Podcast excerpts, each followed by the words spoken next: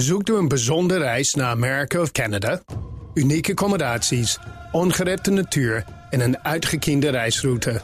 En natuurlijk op maat gemaakt naar uw wensen. Klinkt bekend? Little America is de zus van Travel Essence. Met eigen team van reisspecialisten, maar dezelfde focus op kleinschalige reizen met hoogwaardige kwaliteit. Kijk op littleamerica.nl. De BNR Nationale Autoshow wordt mede mogelijk gemaakt door Lexus. Nu ook 100% elektrisch. BNR Nieuwsradio. De Nationale Autoshow. Meindert en Wouter. Ja, de wegen zijn nog altijd eh, lekker eh, rustig, Wouter. Maar er is slecht nieuws voor ons petrolheads. In de toekomst wordt het naar verwachting namelijk weer drukker op de weg, ondanks de coronacrisis. Hoe dat kan, hoor je zo meteen. Nee, ik snap er ook niks van. Het is wel Maar jammer, want we rijden leuke auto's de laatste tijd. Ja, maar wel maximaal 100 km per uur. hè? Ja. Ja. Als er eh, ander- anderen bij in de buurt zijn. Precies. Ja, soms mag de verdubbelaar toch gewoon ingezet Ja, worden, toch? ik wel. Ja, wij wel. Wij hebben daar spe- spe- speciale permissie voor. Eh, en straks kunnen we dan ook nog eens even over superasfalt rijden. TU Delft die test dat. Eh, gaat tientallen jaren langer mee eh, dan eh, normaal. Eh, en het wegwerk wordt vandaag aangelegd. En we spreken een heuse asfaltprofessor, Sandra Erkens. Zo. Ja. Ik, had, het- ik heb het ook niet verzonnen Nee. dit als een asfaltprofessor. Nou, dat, eh, nee. nee. wel leuk natuurlijk. En wel goed dat. eh, nou he- heb ik wel het idee dat we heel vaak in Nederland al heel mooi asfalt nog weer eraf schrapen. Omdat we denken, ja, het moet toch 20 centimeter verder naar rechts. Ehm, dus, Ja, of de samenstelling moet toch weer anders. ja, ja, of we willen toch even een paar leuke strepen erop trekken. Ja. Ander kleurtje. Maar goed, de, de, ja, dit is op zich natuurlijk mooi. Ja. Dat het er dan, als het er goed ligt, dat je het dan ook gewoon echt lang kan laten liggen. Zeker. En eh, we hebben ook nog contact met de baas van het Lauwman Museum... dat eh, toch weer dicht ging deze week. Ja, dat is lullig. Kortom, een bomvolle show, inclusief een rijimpressie... in de Porsche Panamera 4 SI Hybrids. En dit is uiteindelijk gewoon het compromis van Porsche... om de diesel uit het gamma te krijgen. Ja, het is gewoon een instapper dit, toch? Het is gewoon de Ik vind, ik langzaamste. vind prima instappen, ja. Ja, Ja. Ja, dat, dat dat al de instapper is. ja, ja. 460, zoiets? Ja, zoiets, ja. ja. Ja, belachelijk. Belachelijk. Ja, belachelijk. Maar ja, uiteindelijk eh, volledig elektrisch, eh, net als eh, Bentley, hè?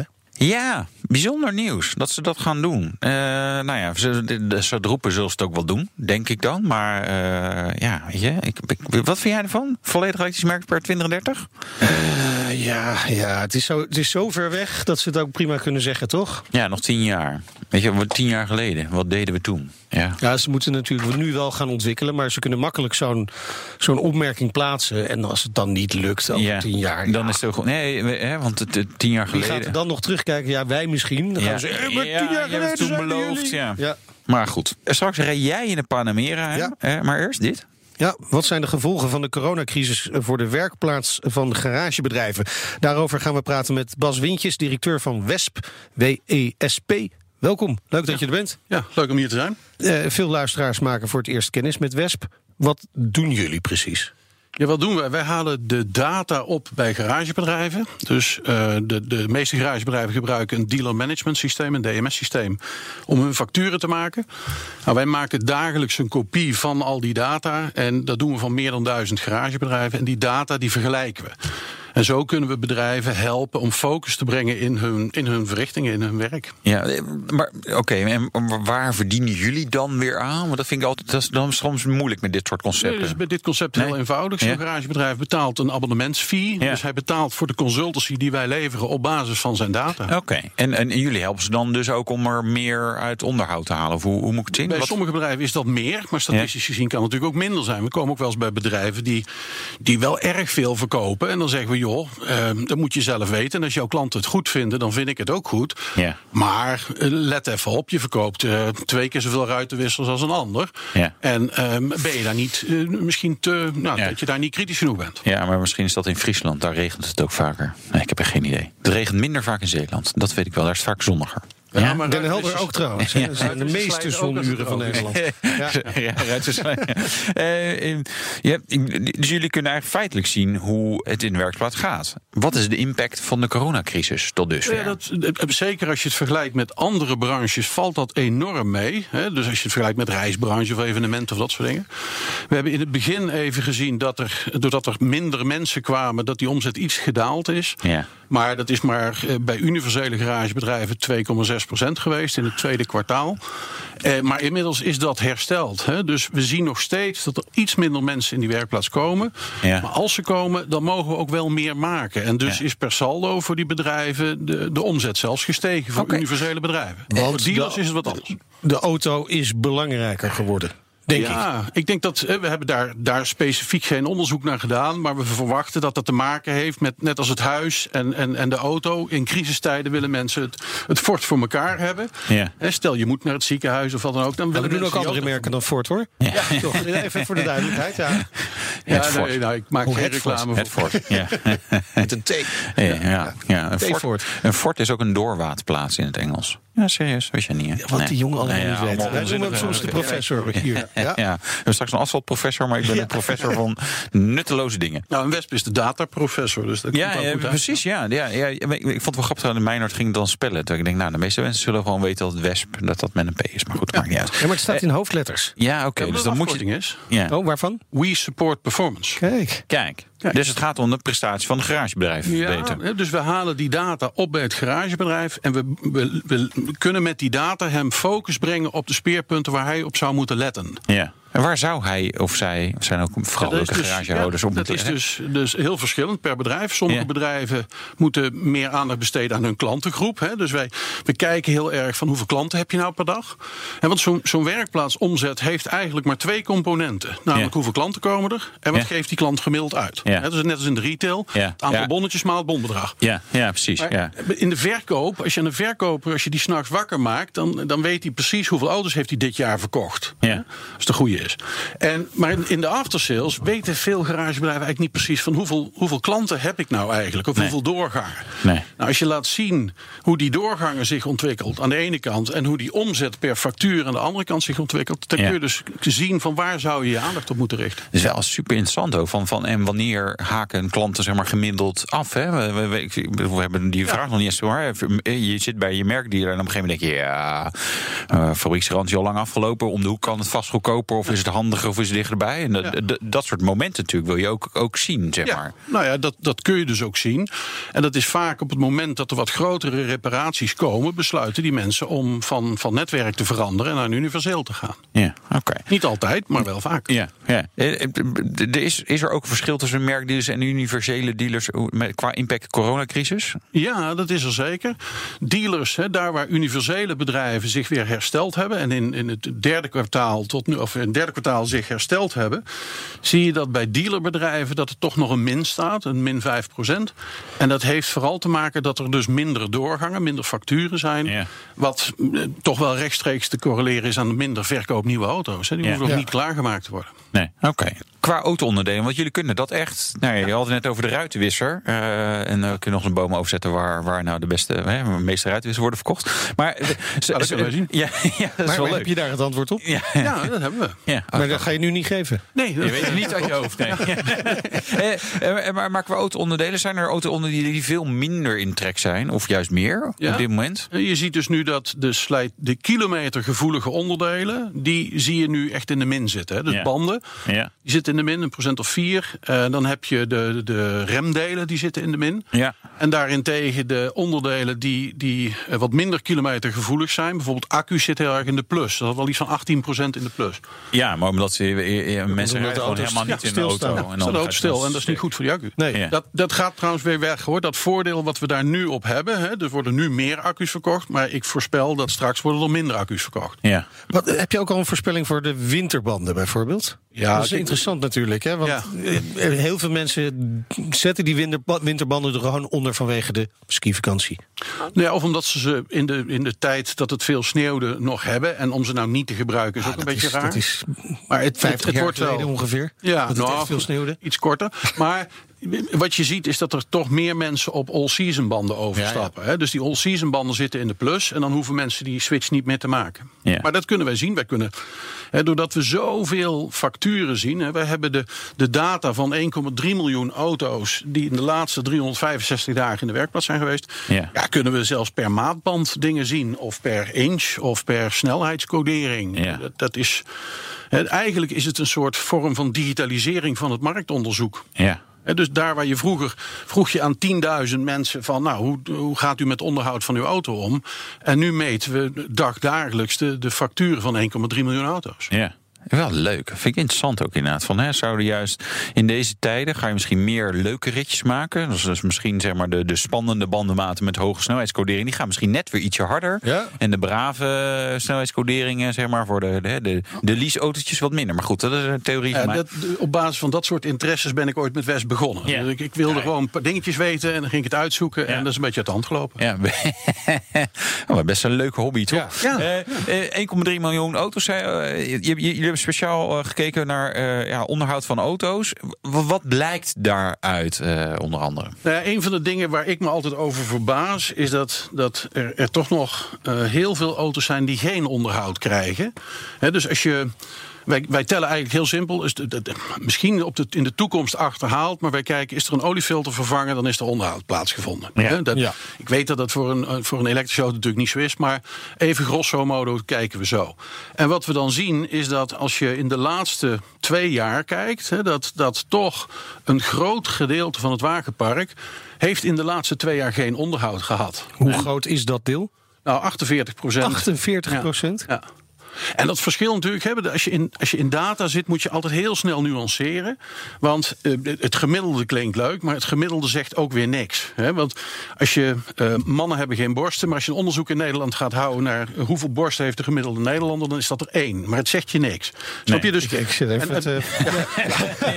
Hè, maar dus, dus je moet heel erg kijken van Ja, wat zie ik dan. Dus jonge auto's die hebben veel meer onderhoud gehad. Maar zelfs bij jonge auto's heeft, niet, eh, heeft geen 80% een, een onderhoudsbeurt Nee, nee, nee, maar als je natuurlijk weinig rijdt en met de onderhoudstermijnen worden eh kilometers mogen langer, dan, dan hoef je misschien eerst twee jaar ook gewoon helemaal geen onderhoud. Nou, de meeste merken schrijven toch wel minimaal één keer per twee jaar voor. Ja. De oudere eh, auto's één keer per jaar zelfs.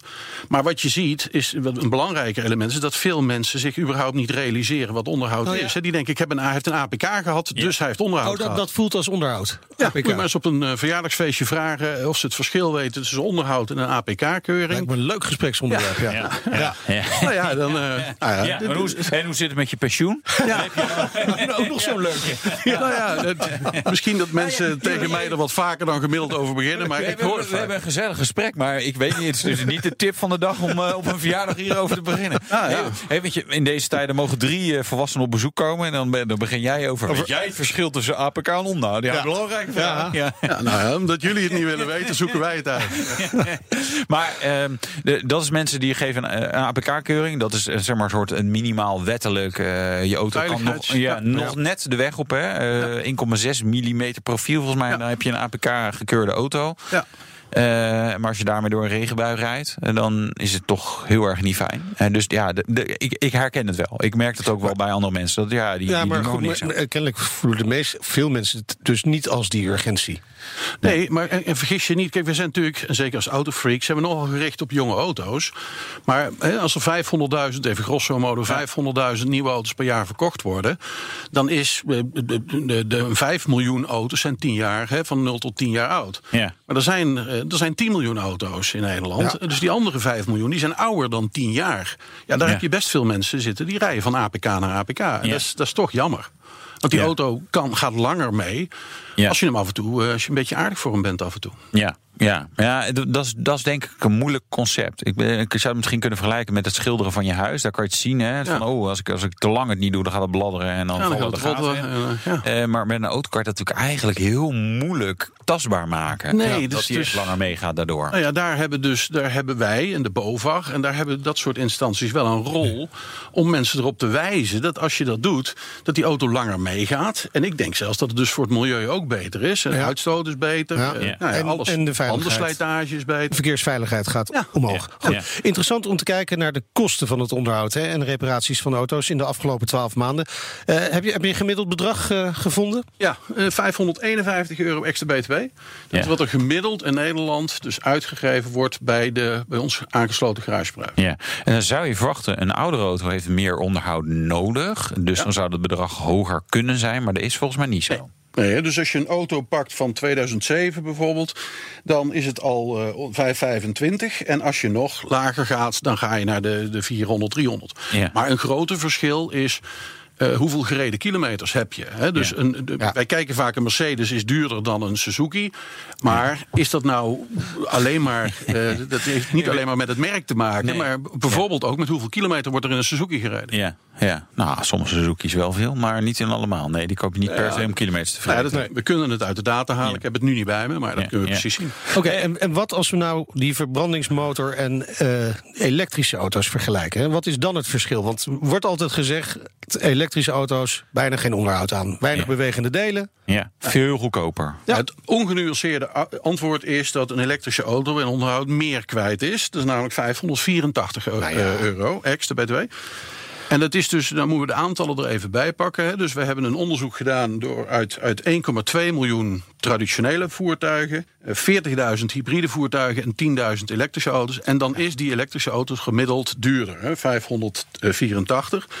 Maar de nuance opzoekend, eh, dat is natuurlijk een schevende verdeling. Hè? Dus in die 1,2 miljoen gewone auto's, daar zitten heel veel Suzuki Alto's en Peugeot 107's Ja, in. ja, ja. En in die elektrische auto's, dat, dat zijn veel zakelijke auto's die veel meer rijden. Er zit veel meer Tesla's en dat soort spul in. Ja. Dus ja, die vergelijking gaat niet helemaal. Je bent niet, niet helemaal, helemaal appels op. met appels aan het vergelijken. Nee. Maar hier, het kan je ook wel een beetje afleiden, maar de, de stelling, het is veel goedkoper. Nee, het dat is dat is dat is, dat is dus ook- onhoudbaar, dat is ook niet waar. Nee. En zelfs als wij binnen segmenten en binnen leeftijdsgroepen kijken. Hè, dus we kijken dan, nou, wat wordt er nou gemiddeld uitgegeven aan een Tesla vergeleken met een Passat. En dan allebei binnen hetzelfde netwerk en binnen Ja. dezelfde leeftijdscategorie. Zelfs dan wint de elektrische auto's het echt niet altijd. En dat, dat komt doordat er een enorme verschuiving binnen die onderdeelgroepen eh, plaatsvindt. Ja, ja, want de bougies en het oliefilter, daar hoeft in ieder geval niet bij een dus zit auto. Nee. met name dan de banden, denk ik. Olie niet, dat is een hele belangrijk eh, aspect Ja, natuurlijk. banden wel. Banden, eh, ba- banden is de grote, Ja. het grote verschil. Hè? Ja? Als je naar die, eh, die elektrische auto kijkt. zeker. Nee. Nou ja, dat, dat zou kunnen komen. Hè. Op dit moment, op- doordat het zoveel jonge auto's zijn, meten we heel weinig accu's natuurlijk. Eh, maar op den duur zou dat kunnen komen. Hè. Maar op dit moment is het banden. En dan niet alleen omdat ze sneller banden verslijten. Hè, harder Ja. optrekken, harder remmen. Eh, maar ook doordat die banden die onder de elektrische auto's zijn... zijn heel vaak afwijkende maten en daardoor duurder. I- is- wat is het verschil eh, qua prijs? Het, het verschil in prijs... Bij die banden, de kosten bedoel ik Ja, eigenlijk. in kosten is het verschil. Dus bij een elektrische auto zit gemiddeld voor 199 euro per jaar. Of sorry, 162 euro per jaar aan banden op. En bij een, een traditionele auto 49 euro per jaar. Ja. Dus dat scheelt enorm. Ja. Maar dat wordt dus deels veroorzaakt doordat het andere maten zijn. En deels doordat het hele andere kilometrages op zijn. Ja. Dus dan moet je ja, kijken. Maar gaat die elektrische auto dan nog wel die grote klap uitdelen aan de werkplaats uiteindelijk? Ja, dat is maar zeer de vraag. Hè? Want ik, dat zegt altijd iedereen. En ik zie ook wel dat er een bepaalde onderdelencategorie echt wegvalt. Maar als je kijkt hoe complex die auto's worden... Ja, dan zie ik het aantal uren wat je aan die auto moet besteden op, eh, oplopen. En doordat er steeds minder goed opgeleide monteurs zijn... is het ook van belang... Ja, dan zou die prijs van die monteur ook wel eens omhoog kunnen gaan. Juist. Dankjewel, Bas Wintjes, directeur van Wesp. De Nationale Autoshow. Ja, want vandaag wordt op de N240 bij Wieringerwerf bij de afsluitdijk een stuk wegdek met super asfalt aangelegd. Sandra Erkens is eh, hoogleraar toegepaste wegenbouw aan de TU Delft en betrokken bij de proef. De asfaltprofessor, toch? Ja, de asfaltprofessor. Welkom in de uitzending. Dankjewel. Wat maakt dit asfalt eh, zo bijzonder? Ja, er zit epoxy in. Eh, zeg maar gewone asfalt. Dat wordt gemaakt van eh, stenen van allerlei formaat. En dat wordt aan elkaar geplakt. Net zoals bij beton eigenlijk. Bij beton gebruik je daar cement voor. En bij asfalt bitumen. Ja. Dat is een product uit de olieraffinage. en eh, in dit geval is dat bitumen gemengd met epoxy. En dat fungeert eigenlijk als een soort van macro, microwapening. Eh, in het materiaal, waardoor het eh, veel langer mee kan. Eh, Epoxy is ook een beetje elastisch, toch? Ik heb wel- Ik heb wel een beetje epoxy tennis, dat- tennisbanen nou of ja, ik veel, ja, het voetbal. op de zeilboot zitten. Ja, op de zeilboot, ja. ja. Want- ja, daardoor bleef twee dreven- dreven. zo uit de doe-het-zelf. Ja, ja, precies. ja. Dat, eh, daar kennen mensen het inderdaad van. Het is inderdaad over het algemeen hard en elastisch. En eh, bitumen is wat zachter en dat is dan viscoelastisch. Betekent dat het, eh, het reageert op temperatuur en op hoe, hard, je- hoe snel je het belast. ja. Eh, en het wordt iets elastischer door die, eh, door die epoxy die je erin stopt. Eh, eigenlijk hetzelfde ook eh, wat je dus met wapening doet. Dus vandaar die micro- of nanowapening vergelijking.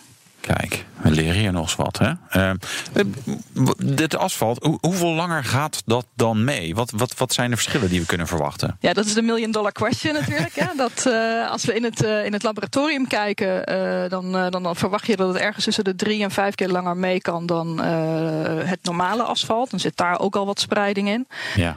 Maar of dat ook buiten echt gebeurt, dat is natuurlijk altijd weer, weer, weer, weer de check waar het uiteindelijk om gaat. Dus vandaar dat het ook zo leuk is dat Noord-Holland eigenlijk parallel aan het onderzoek al de plannen had gemaakt om ook die proefvakken te gaan doen. En eh, nou, dat, dat, daar zijn ze dus vandaag mee bezig om dat te installeren. Maar hoe- hoeveel langer zou het mee moeten gaan om het ook rendabel te maken? Want ik kan me wel voorstellen dat het wat eh, prijziger is in de aanleg. Klopt, dat is inderdaad. eh, het is in eerste instantie eh, eh, duurder. Dus dat is ook eh, een, een drempel in zekere zin. Eh, en je moet natuurlijk ook een locatie hebben waarvan je weet dat het de moeite waard is als het zoveel langer gaat liggen. Als je weet Ja. dat het over 10, 15 jaar je daar eh grootscheeps gaat verbouwen, dan is het een beetje zonde. Nou, wat dat betreft dacht ik, Ehm. Wieringenwerf bij de afsluitdijk. Ik denk de afsluitdijk, die gaan we niet snel verplaatsen. Dus waarom niet gewoon de afsluitdijk zo... Duurt toch wat langer, eh, Ja. hè, de reparaties van de afsluitdijk. de Ja, en, renovatie. en, en dat is, daar kan je zo moeilijk... Als je om moet rijden, is het een end. Dus daar is het wel handig als het asfalt gewoon lang meegaat. Klopt. Dus dat, maar tegelijkertijd is dat dan ook weer niet zo'n plek waar eh, beheerders graag nieuwe dingen uitproberen. Ja. Want mocht er dan toch nog iets fout gaan omdat je er te weinig ervaring mee hebt, moet je al heel snel weer terug. En dat wil je op dat soort plekken juist weer niet Ja, hebben. dat is ook waar. Ja. Dus eh, vandaar dat dit soort locaties Ja. ideaal zijn. Hoe, hoe gaan jullie het precies testen? Wat de, de, de beheerders, zoals Noord-Holland in dit geval, die, die houden eigenlijk al hun wegen altijd eh, in de gaten. Eens in het jaar of eens in de twee jaar kijken ze hoe het erbij ligt. Nou, dat gebeurt hier natuurlijk ook. Maar daarnaast hebben we eh, sensoren ontwikkeld die worden ingebouwd. Eh, dus daarom zijn er ook mensen van de TU Delft aanwezig nu bij de, bij de installatie. Ehm, en daarmee hopen we vooral te zien dat het materiaal inderdaad stijver is. En dat je dus een wat andere verdeling van het verkeer eh, naar de lagen onder die, eh, die epoxy asfaltlaag krijgt. Want dat zou een goede aanwijzing zijn dat eh, wat we in het laboratorium gezien hebben, dat we dat ook in de weg terug gaan zien. En dat het inderdaad langer meegaat. Ja. Het is harder. Dus als je erop valt, dan doet het ook meer pijn. niet doen, niet vallen. Ik weet niet of je dat, want dat is vooral het scherpe wat je dan voelt. Oh, oké. Eh, dat zou ongeveer gelijk moeten zijn. Oh, ja. Ja. Eh, maar, maar de lagen eronder zouden dus wel moeten voelen dat ze minder ingedrukt worden door Ja. het verkeer. Doordat die laag die erboven ja. zit stijver is. Ja. Zijn jullie nog wel afhankelijk van de verkeersdrukte? Hè? Want eh, ja, hoe meer verkeer er overheen gaat, hoe sneller je weet eh, of het lang meegaat of niet. Voor een deel, eh, maar er wordt ook zeg maar een, een, een standaard asfalt bijgelegd. Dus je Oh, ja. kunt die twee gewoon onderling vergelijken om, om te zien wat er gebeurt. En eh, de, de mate waarin het achteruit gaat is altijd een combinatie van het effect van het verkeer en het effect van het weer. En eh, daar moet je dus toch op wachten. Dus dat is inderdaad altijd vervelend. We hopen zo vroeg mogelijk echt iets te kunnen zeggen over hoe lang het nou echt mee zal gaan buiten. Maar je bent gewoon afhankelijk van, ja, je hebt die tijd gewoon ook nodig. Ja, en, en wa- wanneer denkt u dat ongeveer te zullen weten? Nou, dit onderzoek loopt eh, officieel nu nog twee jaar door. Eh, we hopen daarna in elk geval eh, die verschillen in stijfheid gezien te hebben. Maar dan heb je ook bij normale asfalt gewoon echt nog geen schades. Dus voordat je echt die verschillen gaat zien in wanneer de onderhoud moet gaan plaatsvinden, ben je echt wel jaren verder. Oké. Ehm, dus ja, dat, dat Ja. is altijd helaas een kwestie van de lange Ja, adem. nou ja, dan spreken we elkaar over een paar jaar weer, denk ik. Graag. Ja. Zeker. nog, één, nog één korte vraag. Hè. Als je er overheen Ja. rijdt, hoor je dan ook een verschil? Dat is een goede vraag. We verwachten geen hele grote verschillen, maar eh, het, het zou wel kunnen. Want eh, de stijfheid van het materiaal speelt daar ook een beetje een rol in. Maar de, de, de geluid wat je hoort is met name inderdaad een oppervlakte-effect eh, van de banden die vervormen. Eh, Ja. En daar verwachten we niet echt heel veel, eh, veel Ja. effect van. Dus zoeken jullie ook nog testers om een burn-out te maken? Of een beetje te slippen op het asfalt? Want Meijners en ik hebben op zich wel tijd de komende tijd. Heel leuk. Hè? Nou nee, want we willen het graag veilig houden, zodat er geen ongelukken Ja, maar dat gebeuren. Kennen wij. eh, Ja, ja, experiment Je verstoord juist ons wordt. hebben. We are professionals. Zo is dat. Hartelijk dank, Sandra Erkens, hoogleraar toegepaste wegenbouw aan de TU Delft. En zometeen. Ja, het Lauwman Museum. Ja, eh, heel mooi museum. Wereldwijd ver- vermaard museum. Ja, is zeker. echt absoluut waar. De Eh, zeker, Ja, eh, nee, nou, algemeen, zo, eh, in het algemeen ook. Deze week helaas toch weer dicht. Eh, en ja, we gaan het hebben over de verkeersdrukte in de toekomst. Weet je, nou, eh, vooruitkijken vind ik allemaal... eh, Laten we ook iets leuks doen. rijden met een hybride auto. een Porsche, dat dan Dat wel. dan wel, ja.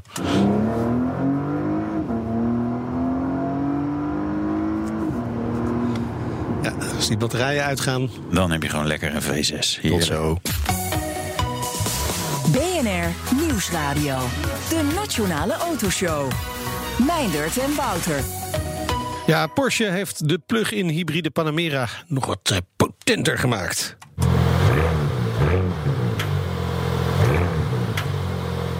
Mooi die batterijen, hoor. Ja, die zoomen zo mooi. Ja. ja, en dit is een belachelijke auto's eigenlijk dit, hè? Gewoon iedere Panamera is al belachelijk snel. Ja, 560 pk. En het kan nog gekker, hè? Want ze hebben ook nog een Turbo S en een Turbo SI Hybrid. Dus uh, ja. Nou, ik vind het ook wel een beetje... Ja, dit is gewoon eigenlijk de auto om de diesel eruit te krijgen. Hè? Lange ja. stukken over de autobaan. ja. Als je echt elektrisch gaat, dan heb je gewoon de Taycan. Wil je echt leuk sportief rijden, dan heb je eh, elke 911 die je maar kunt bedenken ongeveer. Ja. Ja, dit, nou wat wel raar is, want het is inderdaad natuurlijk zeg maar, hè, om de CO2-footprint van Porsche naar beneden te krijgen. En de diesels wilden ze eruit. Want daar, daar, was, hè, er was iets mee met die diesels, Oké, eh, Volkswagen. Ik weet niet meer, weet jij het nog? Maar uiteindelijk... Dat is fake nieuws, hè? Ah, ja, man. Ja, ja, ik heb ook gehoord van mijn goede, goede vriend eh, Trump. eh, het allemaal fake nieuws. Maar dit is natuurlijk wel, je, als je echt lange afstanden, eh, veel kilometers rijdt, is een diesel natuurlijk wel echt een, een klap beter dan een plug-in hybrid. Goed. Zeker. Maar goed. Eh, trouwens, we kregen nog een eh, leuk tweetje binnen van eh, Miss Nanny. Ja. Die zegt, lieverds, jullie camerastanden zijn een beetje ongelukkig. Veel microfoonhengel, Ja. weinig petrolheads. Nou, Ja. als het goed is, hebben we er wat aan Ja, gedaan. ik, ik krijg nu eh, van, eh, van mijn buurman Remy beter, zegt hij. Goed zo. Nou, dus, Nanny, gaat- je kunt weer naar ons kijken. Kennelijk is dat ook belangrijk. Ja, nou, zeker. Maar ik zal nog even een beetje draaien, zodat die microfoon niet te veel ervoor zit, inderdaad. En volgende keer gaan we ook iets leuks aantrekken. Niet twee grijze truien. Ja, inderdaad, ja. Dat is een beetje mijn haarkleur hebben we nu aan allebei. Ja, precies. Ja, het is radio, hè? Ja, ja, maakt allemaal niet uit. Hey, eerst naar het Lauwman Museum, Wouter. Ja, strengere coronamaatregelen. Ze waren natuurlijk weer open. ehm, eh, maar ja, ze moeten deze week de deuren weer sluiten, het Lauwman Museum. In ieder geval de komende twee weken. Maar ik denk dat we wel een beetje kunnen inschatten dat het misschien nog wel langer eh, gaat duren. Eh, en dus ja, hebben we contact met Ronald Kooijman, directeur van het Lauwman Museum. Ronald, welkom in de uitzending. Ja, dankjewel. Ronald, we spraken eind mei voor het laatst met je. Toen was je als een kind zo blij, hè? want je mocht weer open na de eerste coronagolf. Wat betekent dit nu voor jullie? Nou ja, dit, dit is jammer, maar ik verwacht wel weer eh, 19 november weer open kunnen. Weet jij meer dan wij? Of hoop je het? Nou, eh, nou, de verwachting is echt twee weken. Eh, ja, het zou langer kunnen duren, maar daar ga ik niet van uit. Ook omdat wij eh, als zogenaamde doorstroomlocatie zijn. Begrijp je het wel dat ze zeggen van nou, doe maar even dicht al die musea? Eh, ja, dat begrijp ik wel. We hebben wel een, eh, een, goede situatie dat wij een groot museum zijn. En we hebben al eenrichtingsverkeer. We hebben altijd een vaste route die je moet lopen. Dus eigenlijk kan je heel veilig ons museum bezoeken. Maar je moet wel één lijn trekken. Je kan niet zeggen het Lauwman Museum mag open en een aantal andere musea moeten dicht. Dus dat, dat, dus dat snap ik wel. Het blijft jammer. Want jullie zijn gewoon coronaproof. Ja, ja, dat klopt. Dat zijn we ook. En ja. ja, we ze moeten één lijn trekken. Eh, ik, eh, ja, je hebt ook buitenlocaties, dierenparken en, en openluchtmusea zelfs, die ook dicht moeten. Ja. Misschien zelfs nog veiliger dan bij ons. Maar het idee daarachter is dat je reisbewegingen voorkomt. En zeker met uh, het, uh, andere mensen dan je eigen gezin. En je gaat vaak naar een museum toe met vrienden, uh, met, met een grote gezelschap. Je zou, nog, je zou er natuurlijk nog een, een, een drive-through museum kunnen maken. Als je al die prachtige auto's nou ergens mooi op een veld zet. Ik denk bij bijvoorbeeld Vliegveld Valkenburg bij, bij Leiden daar. En dat je gewoon iedereen er langs laat rijden in hun eigen auto. Ja, nou, goed, goed idee. Goed idee, hè? Ik ben zelf nog niet geweest. Nee. Maar daar heb je gewoon een heel groot stuk asfalt waar je ze allemaal neer kunt zetten. Weer welkom heten. Uh, nou, nogmaals op 19 november. Dan ga ik daar voor ons nog ja. uit. En dan kunnen we ze ook veilig ontvangen. Dat scheelt een hoop werk, uh, het. Ja, dat, dat begrijp ik. Maar uh, ik kan me wel voorstellen dat dit toch wel weer een klap betekent voor jullie. Hè? Dat, dat het museum weer dicht moet nu. je kunt geen bezoekers ontvangen. Dat betekent ook minder inkomsten. Ja, dat is jammer. Eh, Het is evident dat er minder inkomsten zijn. Hoewel het bezoekersniveau best op aardig niveau was. De laatste eh, paar maanden alweer. Er zitten ongeveer 80% van het normaal aantal bezoekers dat we mogen ontvangen. Dus dat is, dat is positief. En evenementen, ja, die konden we niet, eh, niet faciliteren. Wat ga je doen eh, de komende weken? Auto's poetsen. Auto's poetsen? Nee. Klussen? Ja, dat gaan we wel doen. Twee weken vrij? Zorgen weer dat het spik en span uitziet. Ja. Eh, ik kan gelukkig vanuit huis nog het een en ander doen. Dus de dingen gaan wat door. En de voorbereidingen voor eventuele tentoonstellingen voor volgend jaar zijn we mee bezig. Maar we wachten natuurlijk eh, nauwgezet alle berichten over corona en hopelijk de verbetering af. Mooi, heel veel succes, eh, Ronald Kooijman, directeur van het Lauwman Museum. Laten we hopen dat jullie weer snel open mogen. En dat ja, eh, iedereen die mooie auto's, van mooie auto's houdt, daar weer langs kan komen. Precies. De Nationale Autoshow. Ondanks de coronacrisis wordt het naar verwachting toch weer drukker op de wegen. Dat concludeert het Kennisinstituut voor Mobiliteitsbeleid in een rapport, het KIM. Henk Stipdonk is eh, directeur van het KIM. Welkom in de uitzending. Eind januari, toen we u voor het laatst spraken, ging het over een onderzoek naar die acceptatie van files. Wat was eh, toen ook weer precies de conclusie? We nemen de files voor lief, volgens mij. Ja, mensen vinden de files eh, tegenwoordig minder erg dan veel andere problemen. In het verkeer of in de samenleving. Ja, maar, Maar nou dat was het toen. Ja, dat was toen, hè. En nu zijn we negen maanden verder en de wereld ziet er volkomen anders uit. Ja, het is de vraag of dat voor goed is. Of dat we misschien toch nog weer helemaal terugkeren naar het oude. Of iets ertussenin. En heeft u een idee? Wij denken nu dat eh, als, eh, als, we, ja, als we straks een vaccin gevonden hebben en alles kan weer economisch normaal worden, dat we voor een groot deel wel zullen terugkeren in, het oude, eh, de oude ontwikkelingen, maar niet helemaal. Wij verwachten wel dat sommige mensen toch wel het voordeel hebben geproefd van thuiswerken of thuis lessen volgen of ja, op een andere manier eh, werken, misschien iets later van huis gaan. Dus er zullen zeker effecten zijn, gaan wij vanuit. En dat is ook eh ja, resultaat van onderzoek dat we hebben gedaan in ons panel. Mensen zeggen dus, ja, of ze het echt doen, weet nooit iemand zeker. Maar ze- mensen zeggen, wij verwachten wel dat we een deel van onze tijd eh, voortaan thuis zullen blijven werken. Ja, Als dat gebeurt, betekent dat voor de files dus gewoon dat die minder zullen zijn. Ja, ja want eh, er hoeft maar een klein percentage thuis te werken, was altijd gezegd. En dan hebben we geen files, toch? Dus het kan enorme impact hebben op die files. Als er, als er een klein percentage thuis zit. Ja, het is altijd het laatste beetje verkeer dat er te veel is. Dat zorgt dat er, eh, dat er eh, oponthoud ontstaat. Dus als dat kleine beetje er niet is, dan hebben we geen oponthoud. Dat klopt. In het rapport eh, kijken jullie je verder, hè, zeg maar, jaarlijks. Ehm, ehm, wat, wat, wat waren de verwachtingen voor de coronacrisis toen die uitbrak? Hè? Want we hebben natuurlijk voor de pre- en post-corona, want eh, de, de- ja, de wereld is wel veranderd. Maar wat waren die eh, voordat die uitbrak? Nou, de, die mobiliteit die. eh, nou, laat ik het zo zeggen. De, als je kijkt naar wat de mobiliteitsontwikkelingen tot 2019 deden. eh, dan eh, was er gewoon een kleine regelmatige groei in de automobiliteit. En nog wel wat meer zelfs in de mobiliteit eh, van trein, bus, tram en metro. Ja. Er wordt ook steeds meer gefietst. Dus alles klom lekker door. En wij gingen er ook wel vanuit dat dat zo door zou groeien. En hadden dus voor bijvoorbeeld de reistijdverliezen voor over vier jaar. In- ja, inmiddels nog maar vier jaar. Eh, gingen wij ervan uit dat dat ten opzichte van 2018 met mm, nou, iets van 23% zou stijgen. En die, die, dat halen we nu niet meer. Nee. Plus 23% reistijdverlies, daar, daar gaan we nu niet meer vanuit. In het eh, scenario waarin het allemaal het gunstigst is, in 2024 gaan wij uit van eh, max 20% reistijdverlies.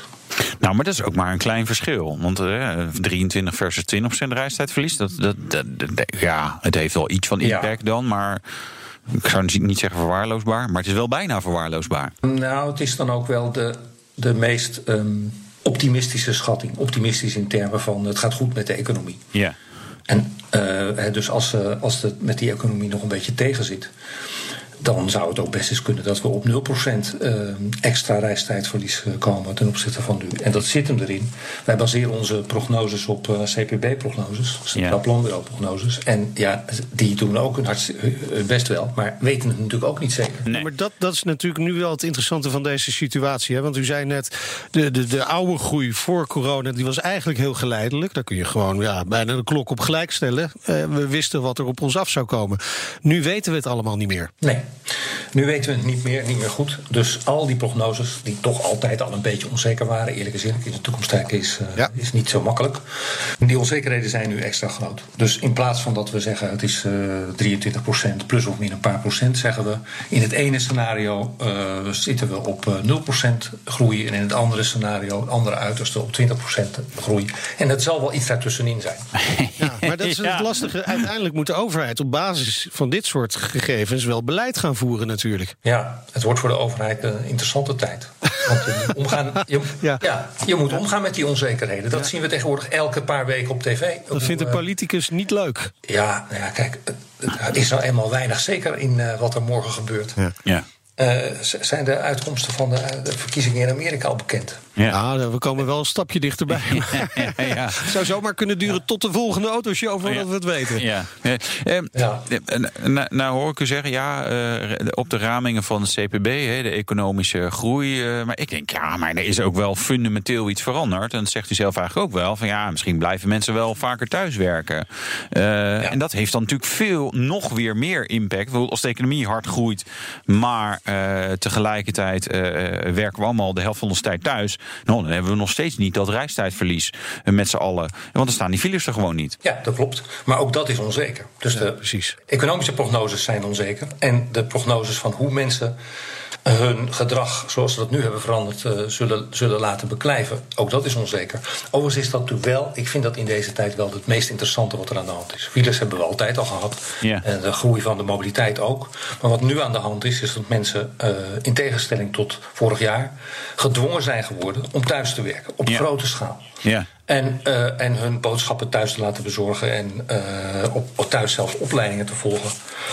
Ehm, dat, ja, dat, kan, dat kan zomaar het begin zijn van een hele nieuwe tendens. Ja. Eh, en dat weten we niet, maar we kunnen over een jaar terugkijken. Ja. Of over twee jaar terugkijken en vaststellen dat 2020 een eh, omwenteling heeft teweeggebracht. En Ja. daar hopen we toch met z'n allen een beetje op. Ja, ja want Want ja, we moeten wel, eh, we moeten wel naar een fossielvrije en groen toekomst hè, in een eh, 10, 20, 30 jaar. Ja, ja, dan moeten we gewoon niet reizen. Hè? Dat is het beste. Ik bedoel, iedere reis die je niet maakt, dat is het beste voor het milieu. Dan moet je gewoon lekker thuis zitten. Nou, Liefst met de verwarming op 16. En dan denk je... nee, nee maar ja, die, eh, ook, ook elektriciteit eh, Fietsen. groeit nog steeds niet aan bomen. Dus eh, nee, ja, fietsen. Ja, een fiets stoot, eh, als fietser stoot je ook CO2 uit. En dan moet je weer meer drinken en eten. Dus ja. Hè, dus, dus, Minder mensen helpt ook ja, trouwens. ja, ja, ja, nou, het wordt nu heel filosofisch. Nou. Ehm, nou de, fi- de fiets, de fiets is wel een eh 1 op 500 loopt die. 1 op 500. Oké. Vet. Ja, oh, dat is wel. eh, dat is ki- 500 kilometer op 1 kilo vet. 1 kilo vet. nou, dan kan ik nog best wel wat, eh, een paar duizend kilometer fietsen. Goed om te weten. Eh, Dat heeft, het heeft ook vooral gezondheidsvoordelen. ja, dat is precies, waar. Het is- Zolang je niet daarom is fietsen zo fijn. Ja. Daarom is fietsen zo fijn. Het is een eh, heel zuinige vervoerwijze. Ja, in, zeg maar, zo vlak voor de zomer, toen was het ja, fietsen en mensen die, die dat is het helemaal nu. eh, want ja, maar het was ook lekker weer. En natuurlijk, dan gaan mensen ook op de fietsen. ehm. wat voor effecten zien jullie daar dan ook van? Of, of heb je daar specifiek onderzoek naar? Want ja, nu gaat het wat meer regenen. Dan zie ik, zit ik zelf ook niet zo graag op de fiets meer. Dan ga ik toch ook liever met de auto. Maar dat zijn natuurlijk ook wel, het is ook een beetje seizoensafhankelijk van wat, wat mensen gaan antwoorden, wat ze het liefst doen. Dat is waar, maar dat is alle jaren. Ja. En, eh, als je kijkt naar de langjarige trends, dan zie je daar toch wel steeds meer, meer elk jaar een paar procent bij komen. Ja. Eh, en nu met de komst van de elektrische fiets, ook dat is niet een trend van de afgelopen paar maanden. Ja. Ook in 2019 hebben we al vastgesteld. eh, eh, 18% van het fietsgebruik van de rietjes is eh, eh, op een elektrische fiets. En eh, meer dan een kwart van de totale afgelegde afstand is op een elektrische fiets. En dat is echt aan het groeien. Dat was in 2013 nog, nog eh, nou, de helft daarvan of zo. Ja. Dus eh, er wordt steeds meer en steeds verder gefietst, ook dankzij die elektrische fiets. En die kan best een hoop eh, korte afstandsritjes, eh, zeker fileritjes, woon-werkritjes, vervangen. Dat is echt helemaal niet zo gek. Eh, dan kan je nog steeds in het weekend eh, eh, een wat verdere rit maken om Lauw- Lauwman te bezoeken. Ja.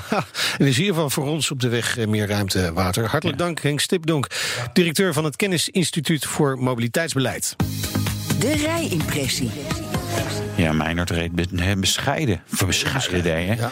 Ja. dat is een, een, bescheiden kleur, toch? Dat is gewoon een, een beetje een donkere Ja, bl- blauw. blauw. Ja, ja bescheiden. Porsche, Panamera. Eh, en opties zijn de 4SI Hybrid.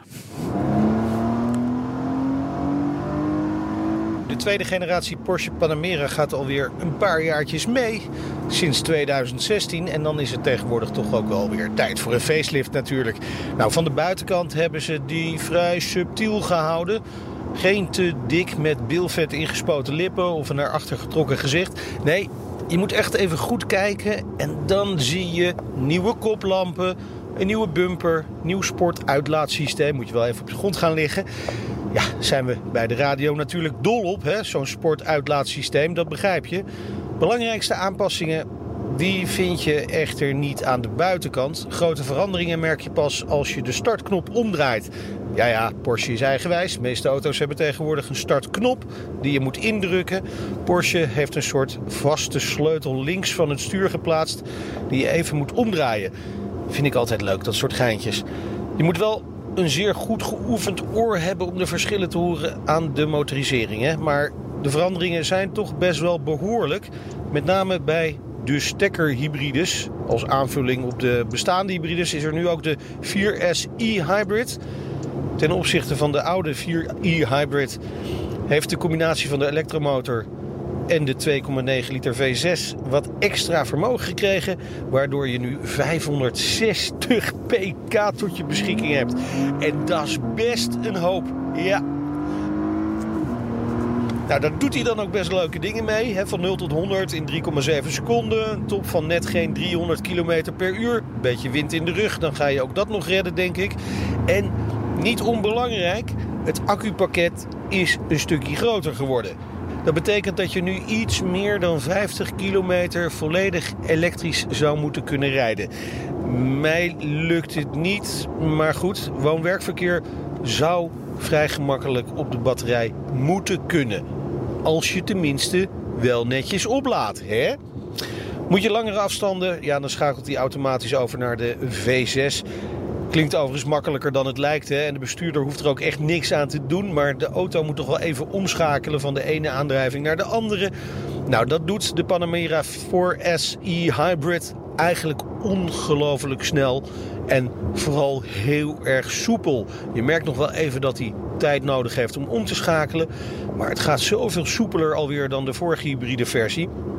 Het zit allemaal ook weer gewoon ongelooflijk knap in elkaar. Toch, ja, heb ik wat moeite met, met deze Panamera. Hij maakt namelijk geen echte keuzes. Hè? Dat doet hij dan op een ongelooflijk goede manier hoor. Dat geen keuzes maken. Of het nou de full electric stand is of de Sport Plus. In dat laatste geval rijdt hij gewoon heel erg sportief. Kan voor een onervaren chauffeur nog best wel even wennen zijn. Rijtraining hier en daar kan geen kwaad. Maar toch, hè, als je dan zo nodig elektrisch wil rijden, ja, dan ga je gewoon voor de Taycan. En als je heel graag sportief wil rijden, dan heeft Porsche gewoon van alles te kiezen. En dit is een auto ja, voor de lange afstanden op de autobaan. Urenlang knallen en toch ja, gewoon ontspannen aankomen op de plaats van bestemming. En dit is uiteindelijk gewoon het compromis van Porsche om de diesel uit het gamma te krijgen. Geen echte keuze. En in Nederland, ja, dat is natuurlijk het goede nieuws. Scheelt een hybride behoorlijk weer wat centjes aan BPM. Want minder CO2-uitstoot. En dan zeg ik het nog maar eens. Wel stekkeren dan, hè?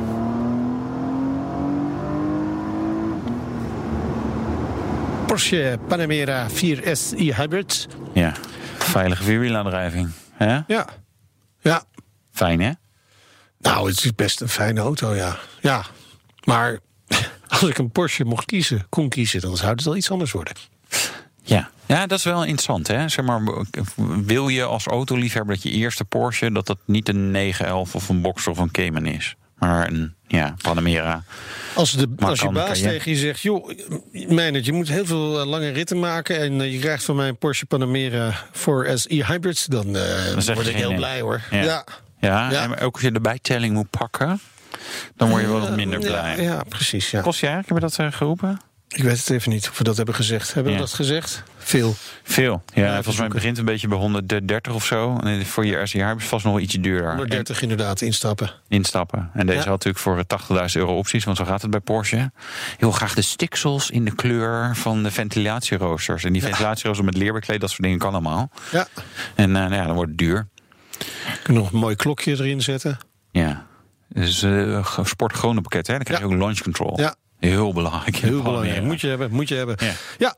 goed. Nou, dit was de Nationale Autoshow. Terugluisteren kan via de site, de app, Apple Podcast of Spotify. Ja, lekker abonneren natuurlijk. En volg ons op alle socials en zo. LinkedIn, doen we dat ook? Ja, zijn heel serieus. ja, ja. Twitter, Instagram zijn een beetje stil de laatste tijd, zag ik. Facebook. Pinterest? Pinterest. Niet. dat is een beetje meer. Dat is meer. Dat was een vrouwending, maar ik ben, ik, ik ben ja, Pinterest een beetje uit de beeld. TikTok. TikTok zit er nog niet op. Zouden we wel moeten doen voor die Ja. jongere doelgroep. Zeker. Maar goed. ehm, Om de dansende auto's laten zien. dit eh, sociale media advies wordt u aangeboden door Meijnerd Schut en Wouter Karsen. Ja. Dat zijn wij namelijk. Zo is dat. En volgende week zijn we er weer. Leuk hè? Ja, dag. De BNR Nationale Autoshow wordt mede mogelijk gemaakt door Lexus. Nu ook 100% elektrisch. Zoekt u een bijzondere reis naar Amerika of Canada? Unieke accommodaties, ongerepte natuur en een uitgekiende reisroute. En natuurlijk op maat gemaakt uw wensen. Klinkt bekend? Little America is de zus van Travel Essence. Met eigen team van reisspecialisten, maar dezelfde focus op kleinschalige reizen met hoogwaardige kwaliteit. Kijk op littleamerica.nl.